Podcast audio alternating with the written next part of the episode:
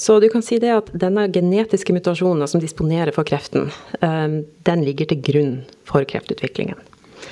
Og vi vet det at eh, fra ca. fire års alder, når hesten begynner å bli lysere, så ser vi en lineær økning i det vi kaller for prevalens, altså forekomst av skimmelkreft. Og den økningen er det så mye som 4-8% per år.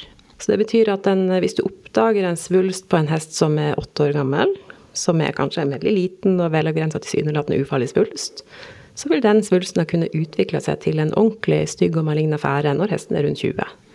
Og den kan bli uhelbredelig da, på den tida der. Så, så, her gjelder det å eh, ta affære og få behandla dette så tidlig som mulig, for da vil også risikoen for at det blir flere, og for at det sprer seg, for at det blir malignt, da blir den risikoen mye, mye mindre.